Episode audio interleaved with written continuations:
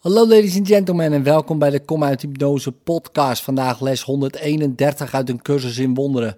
Niemand kan falen die tot de waarheid tracht te komen. Mislukking omringt jou overal, zolang je doelen nastreeft die niet bereikt kunnen worden. Je zoekt naar het duurzame in het vergankelijke, naar liefde waar geen liefde is, naar veiligheid te midden van gevaar, naar onsterfelijkheid binnen de duisternis van de droom van de dood. Wie kan slagen waar tegenstrijdigheid het decor van zijn zoektocht vormt, de plaats waar hij komt om stabiliteit te vinden? Zinloze doelen worden niet bereikt. Je kunt die met geen mogelijkheid bereiken, want de middelen waarmee jij ze nastreeft zijn even zinloos als het doel zelf. Wie kan zulke onzinnige middelen gebruiken en hopen hiermee iets te winnen? Waar kunnen ze toe leiden? En wat zouden ze kunnen bewerkstelligen dat enige hoop biedt werkelijk te zijn? Het najagen van fantasieën leidt tot de dood. Want het is een zoektocht naar het niets. En terwijl je naar het leven zoekt, vraag je om de dood.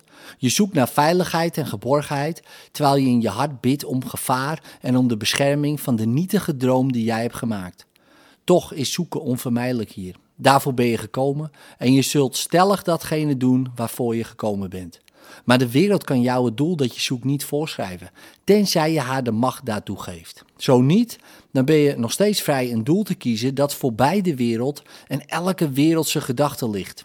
Een doel dat jou wordt ingegeven door een idee dat je opgaf en toch in herinnering hield, oud en toch nieuw, een echo van een vergeten erfgoed die toch alles inhoudt wat jij werkelijk verlangt.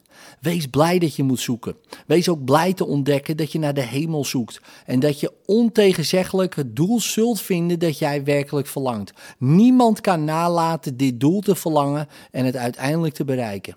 Gods zoon kan niet vergeefs zoeken. Al kan hij proberen uitstel af te dwingen, zichzelf te misleiden en te denken dat het de hel is die hij zoekt.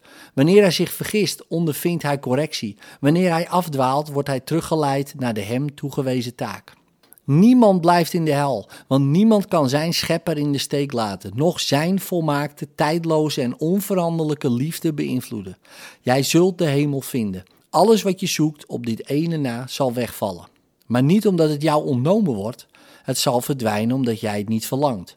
Je zult het doel dat jij werkelijk verlangt even zeker bereiken als het zeker is dat God jou in zonderloosheid geschapen heeft. Waarom op de hemel wachten? Die is hier vandaag. Tijd is de grote illusie dat die in het verleden of in de toekomst ligt. Toch kan dit niet zo zijn als dit het is waar God wil dat zijn zoon is. Hoe zou Gods wil in het verleden kunnen liggen of nog moeten geschieden?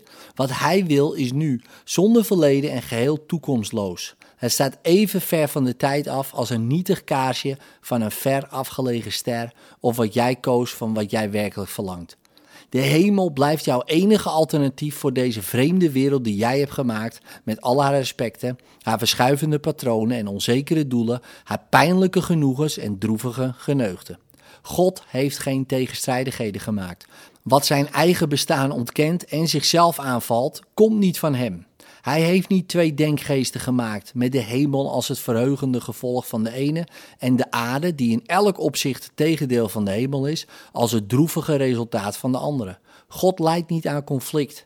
Evenmin is zijn schepping in tweeën gedeeld. Hoe kan het dan mogelijk zijn dat zijn zoon in de hel verblijft, terwijl God zelf hem in de hemel heeft gevestigd? Zou hij kunnen verliezen wat de eeuwige wil hem voor eeuwig als zijn woonplaats heeft geschonken? Laten we niet langer proberen een vreemde wil op te leggen aan Gods enige doel. Hij is hier omdat Hij dat wil en wat Hij wil is nu aanwezig, buiten het bereik van de tijd.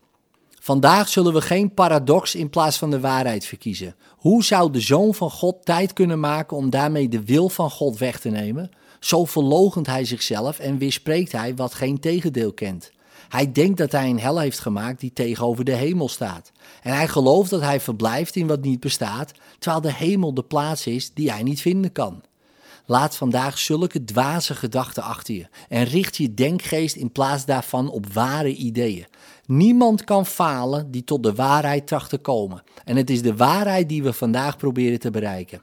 Vandaag zullen we drie keer tien minuten aan dit doel wijden. En we zullen vragen de werkelijke wereld te zien verrijzen om de dwaze denkbeelden die we koesteren te vervangen door ware ideeën, in plaats van de gedachten die geen betekenis en geen gevolg, geen oorsprong en geen inhoud in de waarheid hebben. Dit erkennen we wanneer we met onze oefenperiode aanvangen. Begin hiermee. Ik vraag om een andere wereld te zien en een ander soort gedachten te denken dan die ik heb gemaakt. De wereld die ik zoek heb ik niet alleen gemaakt, de gedachten die ik wil denken zijn niet de mijne. Observeer enkele minuten lang je denkgeest en zie, hoewel je ogen gesloten zijn, de zinloze wereld die jij als werkelijk beschouwt. Bekijk eveneens de gedachten die zich met zo'n wereld laten verenigen en die jij als waar beschouwt. Laat ze dan los en daal af naar de heilige plaats die zij niet betreden kunnen. Onder hen is een deur in je denkgeest die je niet helemaal af kunt sluiten om te verbergen wat daarachter ligt. Zoek die deur en vind haar.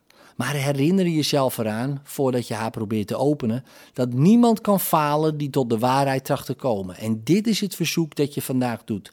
Niets anders heeft nu enige betekenis. Geen enkel ander doel heeft nu waarde of wordt nagestreefd. Niets wat voor deze deur ligt, verlang je echt. En alleen wat erachter ligt, zoek je. Steek je hand uit en zie hoe makkelijk de deur openzwaait, louter door jouw ene voornemen om te gaan naar wat daarachter ligt. Engelen verlichten de weg, zodat alle duisternis verdwijnt en jij in een licht staat zo helder en duidelijk dat jij alle dingen die je ziet kunt begrijpen.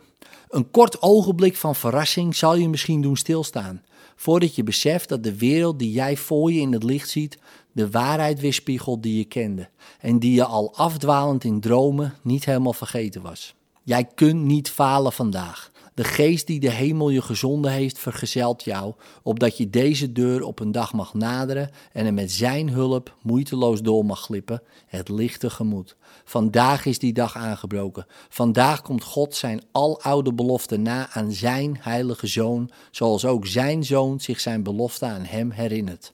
Dit is een dag van vreugde, want we bereiken de afgesproken tijd en plaats waar jij je doel zult vinden van al je zoektochten hier en al het zoeken van de wereld, dat tegelijk zal eindigen als jij de deur doorgaat. Breng jezelf vaak in herinnering dat vandaag een dag hoort te zijn van speciale vreugde. En onthoud je van sombere gedachten en zinloos geklaag. De tijd van verlossing is aangebroken. Vandaag is door de hemel zelf vastgesteld als tijd van genade voor jou en voor de wereld. Als je dit gelukkige feit vergeet, herinner jezelf er daarna met deze woorden. Vandaag zoek en vind ik alles wat ik verlang. Mijn enige doel schenkt mij dit. Niemand kan falen die tot de waarheid tracht te komen. In liefde, tot morgen.